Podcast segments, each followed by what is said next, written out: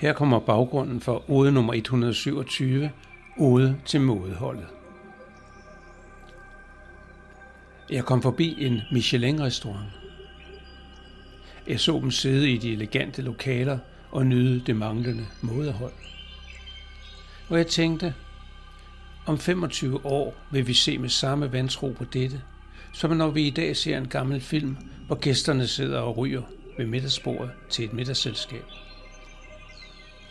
Om 25 år vil vi spørge os selv, hvordan mennesker kunne finde på at købe et måltid for et beløb, som kunne holde en hel familie i live i seks måneder et andet sted i verden.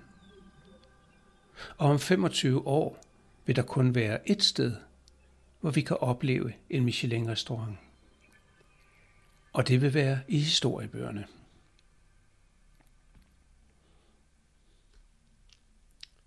Her kommer ude nummer 127, ode til mådeholdet.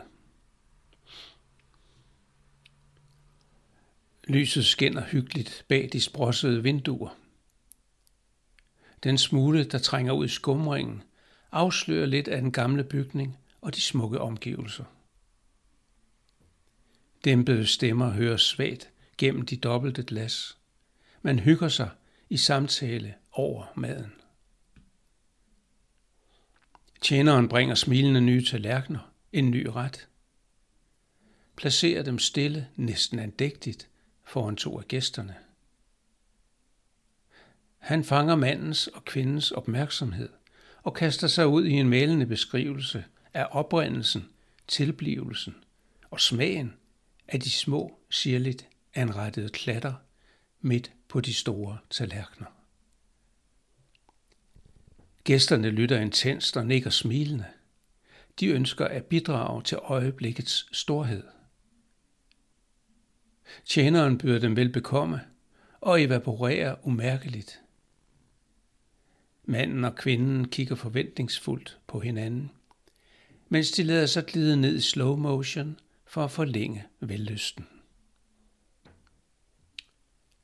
Så griber de forsigtigt om bestikket trækker øjeblikket. Forventningen er en del af nydelsen. Det handler ikke om at stille sin sult, men om at optimere oplevelsen. Om at mærke det gode liv. Og om at nyde hver eneste af de ni retter med tilhørende vine optimalt. Samtidig et andet sted på kloden – en teltdu, der blaffer svagt. Et dunkelt rum. Intet hyggeligt lys, blot en brændende sol. En kvinde. En mor. Et barn på et uselt leje. Næsten kun skinner ben. Ved siden af står en tom tallerken og et rusten krus med en chat modret vand.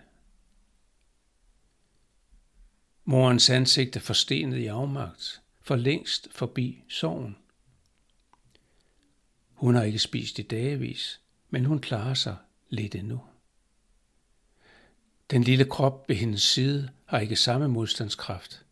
Noget aldrig i sit korte liv at mærke fornemmelsen af mæthed og styrke. Hendes hånd støtter hans lille hoved – hun bøjer sig og løfter det spinkle drengebarn ind til sig. Tvinger fortvivlelsen til side, for at lade ham mærke kærligheden en sidste gang. Han trækker vejret med besvær. Så går der en svag sidren gennem den lille krop, og alt er stille. Moren er frosset i stillingen.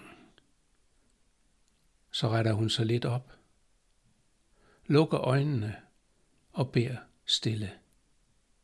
Tag også mig.